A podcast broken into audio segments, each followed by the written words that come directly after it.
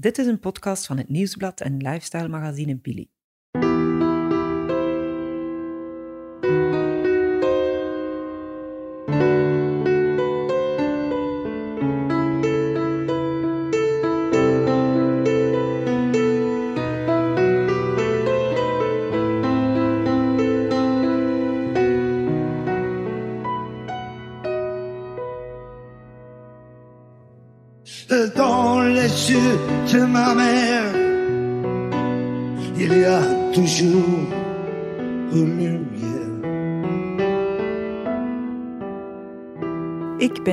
Hansen en in deze podcast ga ik in gesprek met mijn mama Arlet. Dan ga ik nu vechten eh, tegen kanker als ik er toch van moet sterven.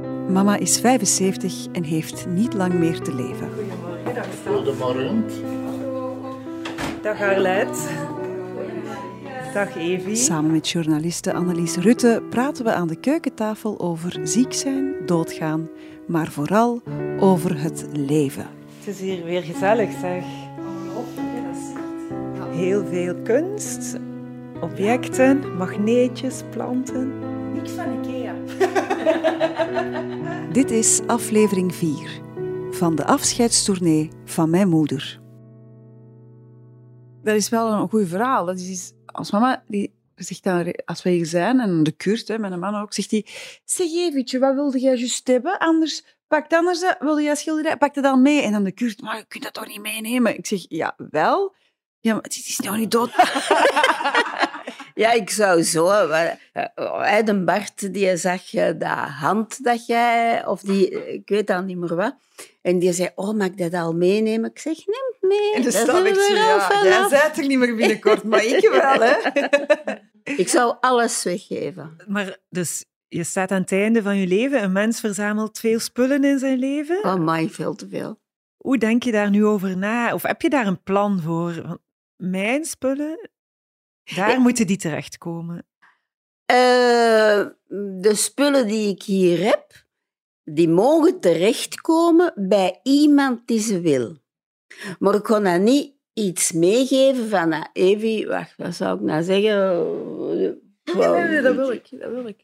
Ah ja, maar dan moet je dat op tijd moet ik Ja. toch aan plakkertjes gewoon achter plakken. Maar ik wil zeker niet zeggen, kom, neem dat nou mee, want elke kader die aan hier hangt, heeft zijn verhaal. En misschien nog wel elke plant ook. Een mens is ook voor een stuk wat hij allemaal bezit. Hè? Ik bedoel, je hebt ook kleren, je hebt juwelen, je hebt van alles bij elkaar verzameld. De juwelen hebben ze allemaal gepikt in Schil. Ze hebben eens één keer ingebroken en toen Ja. hebben ze dat meegenomen. En dat Al het is... goud was weg, hè. En dan nu koop ik allemaal nep juwelen, hè. Daar kan je dan mee pronken, die kan ik uitspelen, die kan ik weggeven. Dus... eh, Vind jij het belangrijk dat je kinderen spullen van jou gaan hebben om aan jou te blijven denken? Nee, die zullen mij niet vergeten. Daar ben ik nogal gerust in. Nee, nee, nee, nee, nee, nee, nee. Absoluut niet.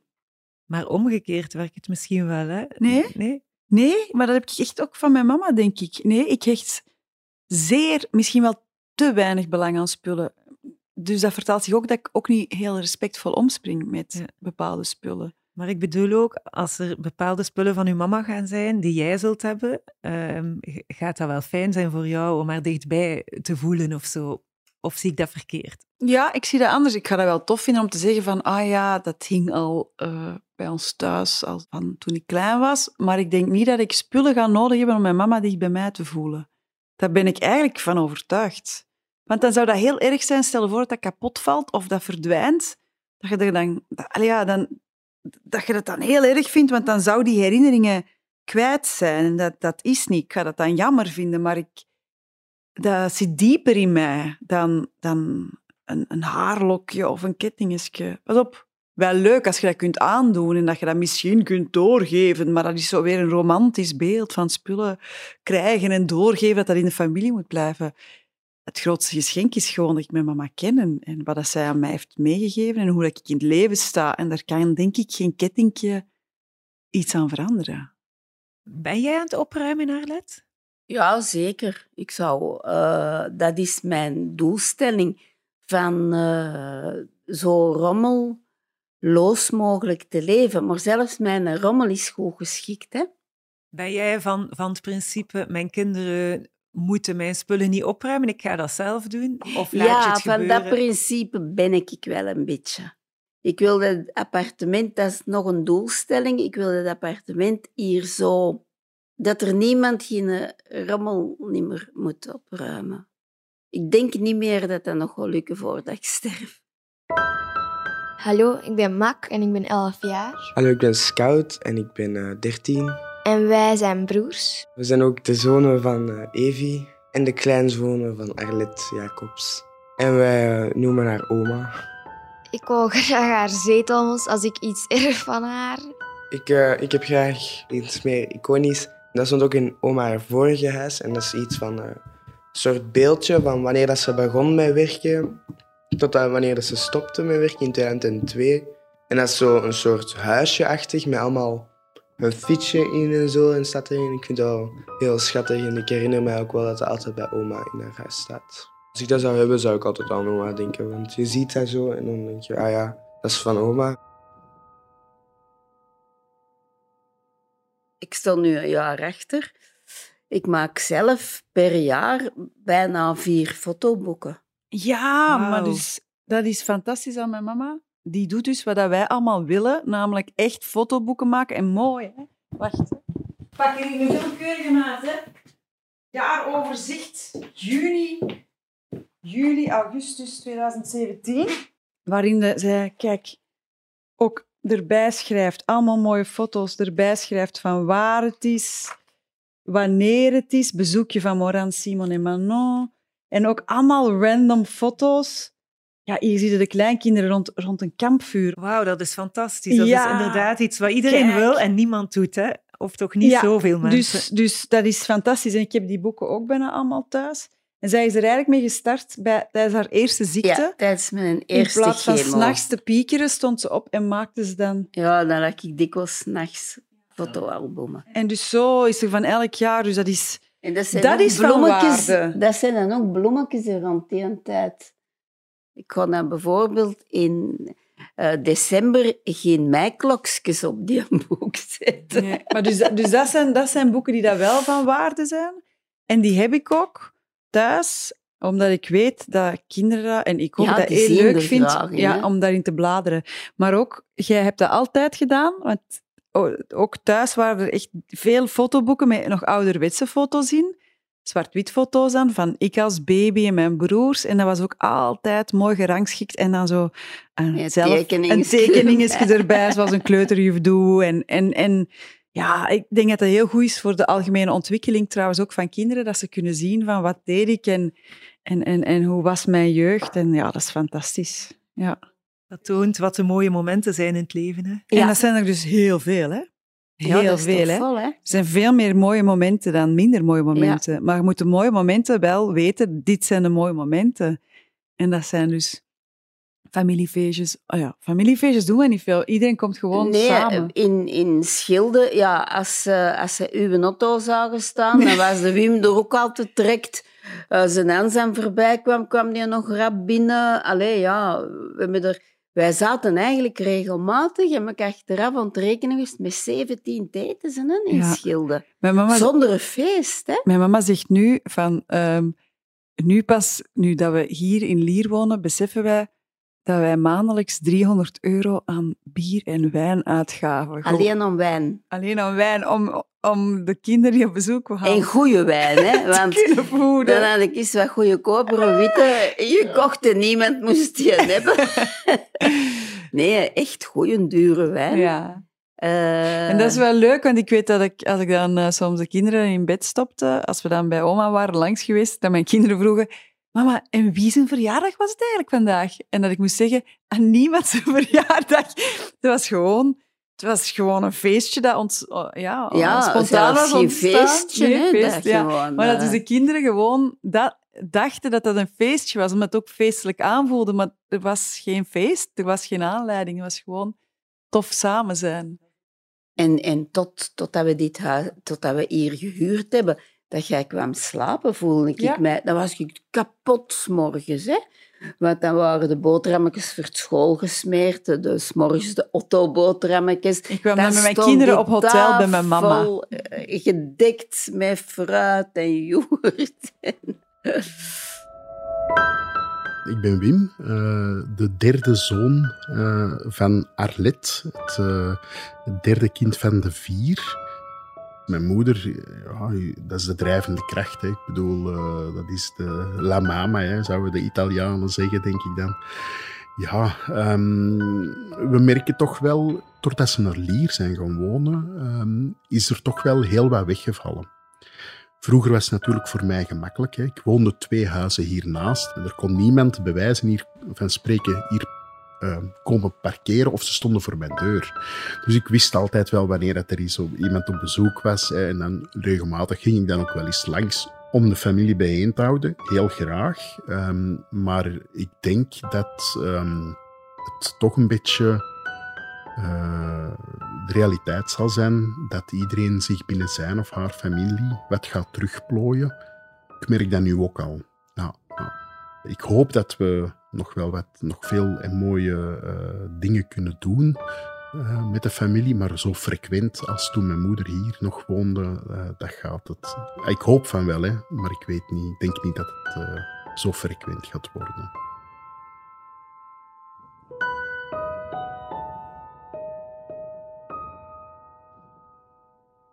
Als we hier vlak naast de deur kijken, daar staat de, de huisheilige, heb ik eh, begrepen. Wat kun je daarover vertellen?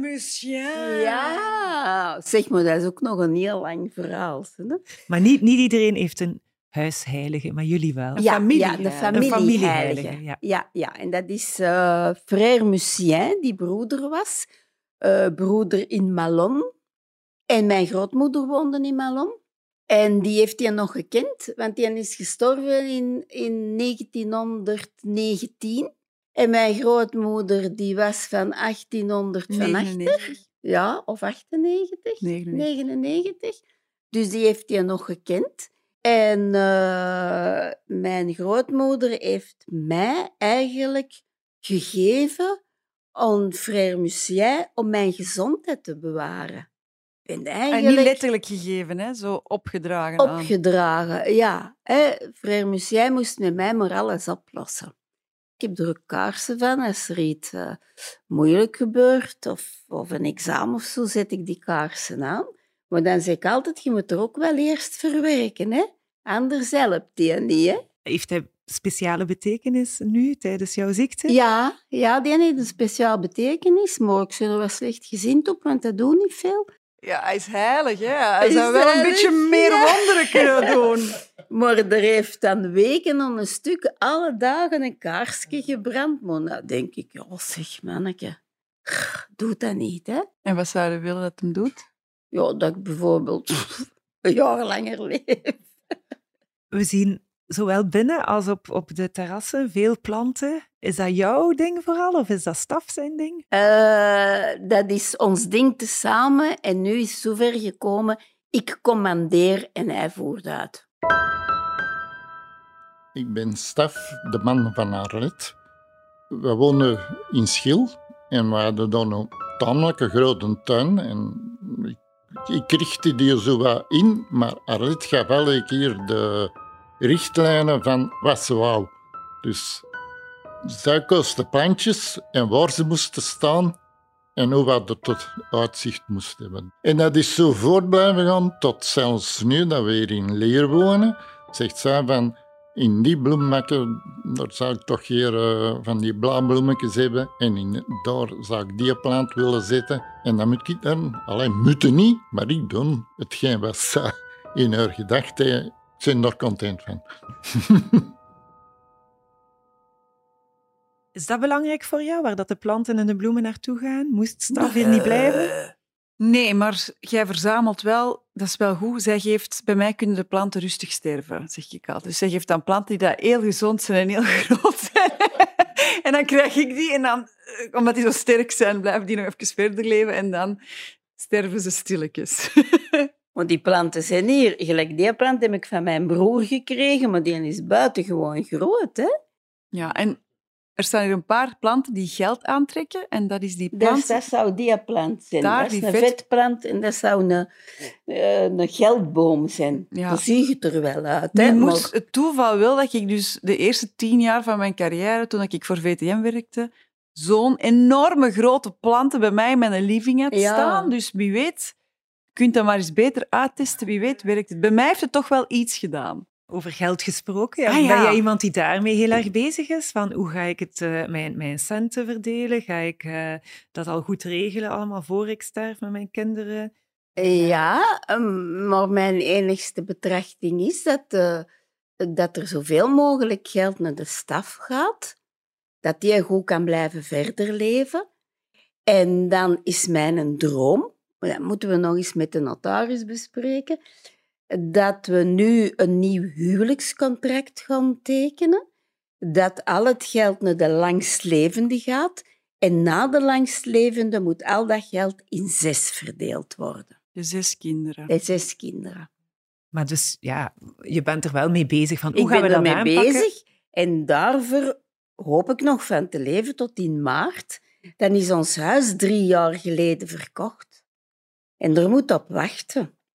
Dus wij hadden een huis in Schilde. We zijn naar de notaris geweest, een huwelijkscontract. En er stond een heel constructie in dat alle zes kinderen allemaal gelijk verdeeld een stuk van dat huis krijgen. Maar nu zijn we verhuisd, dat huis is er niet meer. Ik heb dat verkocht, maar volgens de notaris moet dat drie jaar verkocht zijn vooraleer... Allee, die begon en we hebben met dat geld gedaan en, en dat liet uitgedeeld. En waar staat dat nu? En dan dacht ik, allee, kom. We zijn er gewoon doorgegaan. Ik heb ze een mail gestuurd. Ik heb gewoon gezegd, eh, in maart hè, is dat huis drie jaar geleden verkocht en dan komen we voor een nieuw huwelijkscontract en dan schrijven we erin wat dat we willen. Maar je wilt wel dat alles goed geregeld is. Voor staf en voor de kinderen. Dus mama wil tot, tot het laatste moment controle hebben. Ja. Dat is hè? Je Dat wilt is- echt controle ja, hebben. Ja, ja, ja. Zouden zes kinderen ruzie kunnen maken over nalatenschap, centen? Ja. Eh, We moeten daar niet naïef in zijn, want alle gezinnen maken ruzie blijkbaar over centen. Ja, ja, behalve de Luc en Rita en ik. Hè. Nee, maar er- Allee, het goede is ook, er is niet zoveel geld te verdelen. Ja. Ik denk dat het dat ook wel speelt. Ik bedoel, als, eh, als mama sterft en als de staf sterft, het is niet dat er dan, allee, ja, misschien wel miljoenen gaan vrijkomen. Hè? Nee, ja. En ook niet honderdduizenden. Hè? Nee, nee. Ja. Ah, oké. Dus ja, gedeeld door zes gaat dat niet een verschil maken, denk ik, in het leven van, van ons gezinnen of zo. En ik denk dat dat eigenlijk wel goed is. Denk jij dat ze ruzie zouden kunnen maken? Ik denk dat eigenlijk niet. Hè. Nee, ik denk dat niet. Maar ik, ik, ik durf dat ook niet zeggen. Nee, nee, nee. Geld is iets heel eigenaardig. dat is het. Maar ik... pff, dan ben ik er natuurlijk niet meer, dus ik kan dan niet nakijken of dat ik gelijk heb dan. Hè. Maar daarom is het ook zo goed dat het goed geregeld is. Ja. Komt goed. L'amour, je trouve ça toujours dans les yeux de ma mère. Dans les yeux de ma mère, il y a toujours une lumière.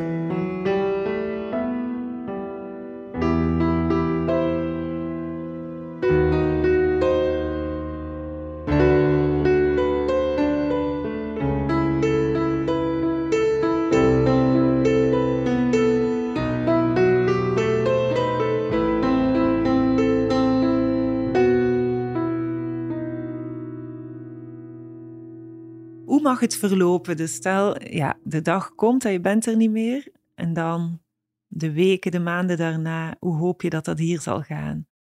Dan ben ik er niet meer en dan heb ik geen controle niet meer en dan geef ik de controle met mijn sterven uit handen en dat doet iedereen wat dat hij wil. Ik vind het heel moeilijk om in te beelden, maar ik probeer dat wel. Ik denk wel dat het heel ehm, stil gaat zijn en ook heel, even heel rustig. Ik denk wel dat zij echt een, ehm, een leegte gaan nalaten, omdat haar aanwezigheid zo sterk is. En dat is positief, hè? Dus ik denk wel dat, dat, dat, dat wij nog lang haar aanwezigheid hier vooral gaan blijven voelen? Ja, dat weet je niet, hè. Nee, ik denk dat, ik denk dat. We hebben het over geld en spullen, materiële zaken, maar Evie heeft het al gezegd, de mentale nalatenschap, die is ook wel heel belangrijk. Ja. Wat hoop jij zelf dat je meegegeven hebt aan jouw kinderen en kleinkinderen? Eh, gewoon mijn zijn, mijn leven, mijn zijn, mijn principes, eh, mijn waarden. Eh, hoop ik dat nog even ga blijven doorzinderen. Kun je die benoemen? Is heel stom. Ik hoop dat ze allemaal goed gaan kunnen schikken. Schikken en opruimen. Nee, nee, maar ik, ik eh, wil vooral hebben dat ze eerlijk blijven en het leven aanpakken zo... Ja, hoe moet ik dat nou zeggen? Het leven goed aanpakken en gelukkig zijn in hun leven. Dat hoop ik van- dat ik dat heb doorgegeven. En, en, en dat ook geen criminelen worden. Allee, hè, Ja, want dat kan ook allemaal, hè? Maar... Dat denk ik nu niet, dat dat nog in een van ons zit als een Nee, soort van nee, verborgen ambitie. Dat wil ik doorgeven. Maar wat is dat dan? Gelukkig zijn? Of hoe kun je... eh, Ja, maar gelukkig zijn, dan moeten ze allemaal voor zichzelf zorgen. Hè? Maar dat je vraagt wat hoopte, hè? dat hoop ik dus. Maar wat zijn uw waarden en uw principes? Wel, het, het feit dat een mens altijd in alle omstandigheden eerlijk moet zijn. Want nu worden er veel dingen gezegd die eigenlijk een mens niet meent. Eerlijk zijn. Als het past, zeggen wat je voelt. Als het niet past, het niet zeggen. Eerlijk zijn. En eh, wat ik ze zeker allemaal zou willen doorgeven, dat is, ik ben heel flexibel. Dat ook doorgeven. Een flexibele controlefreak. Waarom zeg je precies flexibel? Omdat ik van mezelf vind dat ik me heel goed kan aanpassen aan de omstandigheden, aan de personen die komen.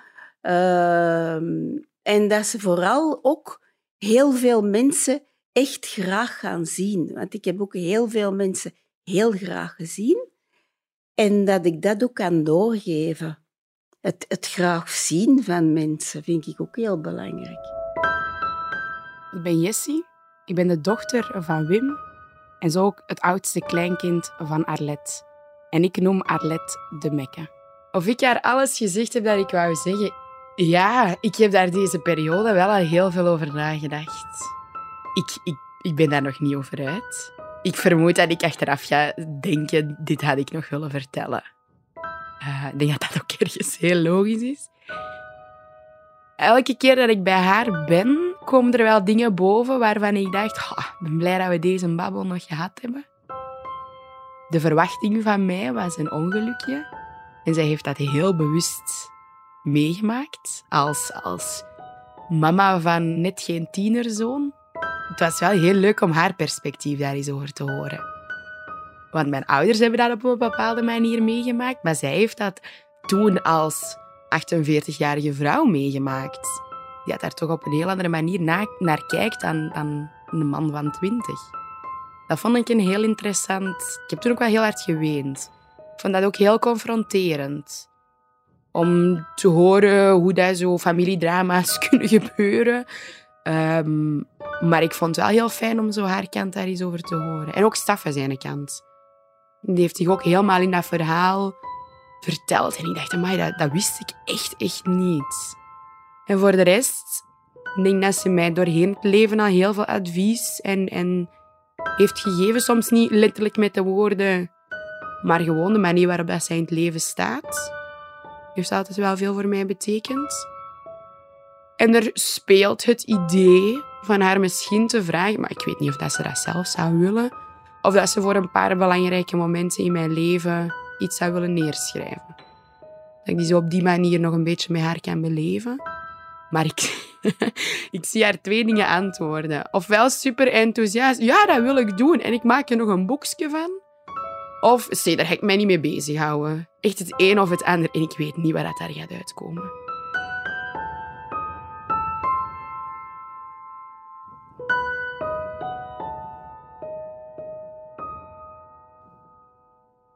Is er iets materieels dat je aan de kleinkinderen zou willen geven? Iets dat, dat, dat, dat, ehm, ja, dat jou altijd in herinnering zal doen blijven?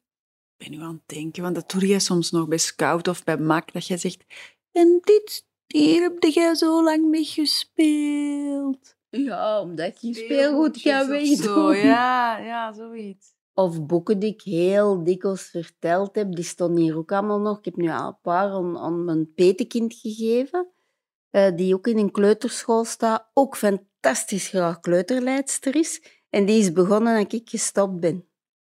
Dus heb ik al heel veel aan me gegeven. En dan ben ik blij dat dat nog, eh, nog gebruikt wordt. Ik zeg wel tegen Mac en Scout van als je nog iets wilt weten van oma, je moet dat nu vragen. Hè. Ehm, ik weet bijvoorbeeld dat ik bij mijn eigen grootmoeder vroeg ik altijd, vertel nog eens over de oorlog. Want ja, fascinerend. En nu, allez, toen vond ik dat belangrijk, maar nu vind ik dat echt wel, merk ik hoe kostbaar dat, dat is, dat ik heb nog van mijn grootmoeder gehoord hoe het was in de oorlog. Dat, dat gaat weg, hè? al bijna verdwenen. Dus, dus dan eh, zeg ik tegen Mac en Scout, vraag nog eens aan oma, als je iets wilt weten over haar tijd, over haar verleden, vraag dat nu. Want dat is wel iets belangrijk, dat is iets kostbaar dat je misschien kunt weer doorgeven. En doen ze dat? Nee, want zij denken dat oma in zwart-wit leefde. Zij denken in die tijd van oma, nee, daar had ik niet graag in geleefd, want dat leek, leek mij zo gevaarlijk en zo alles in zwart-wit.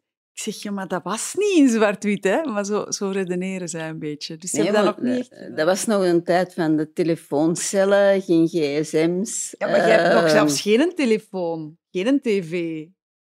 Ja, ja, geen tv. Nee, nee, nee, nee, nee. Geen tv, geen...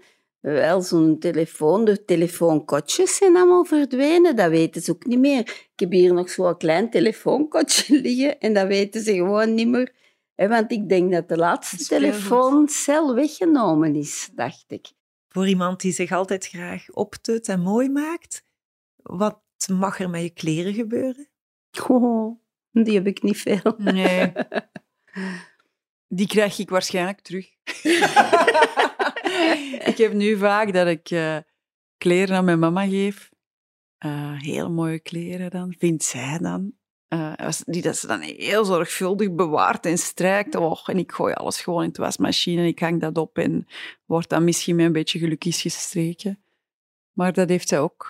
Nee, mijn kleerkast, die mogen eens even zien. Dat hangt ook allemaal gerangschikt natuurlijk, hè, van licht naar donker en per kleur. Nee, lange mouwen en korte ah, mouwen. sorry, lange mouwen en korte mouwen. maar ze... T-shirts met, voor hem met een kraagje en t-shirts zodat geen kraagje is.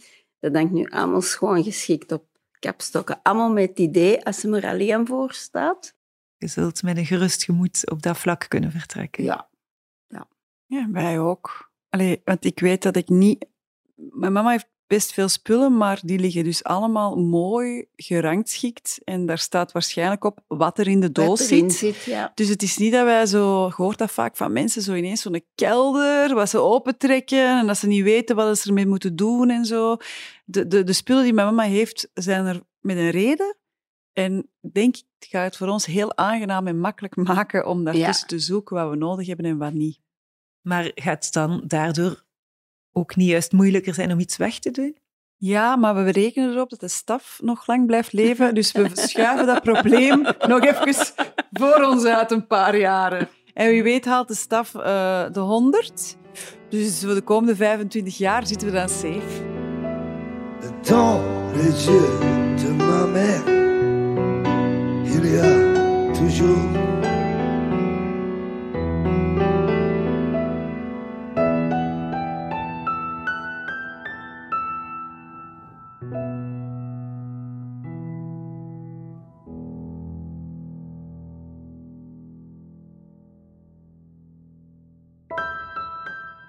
Dit was de afscheidstournee van mijn moeder, een podcast van het Nieuwsblad en het lifestyle magazine Billy.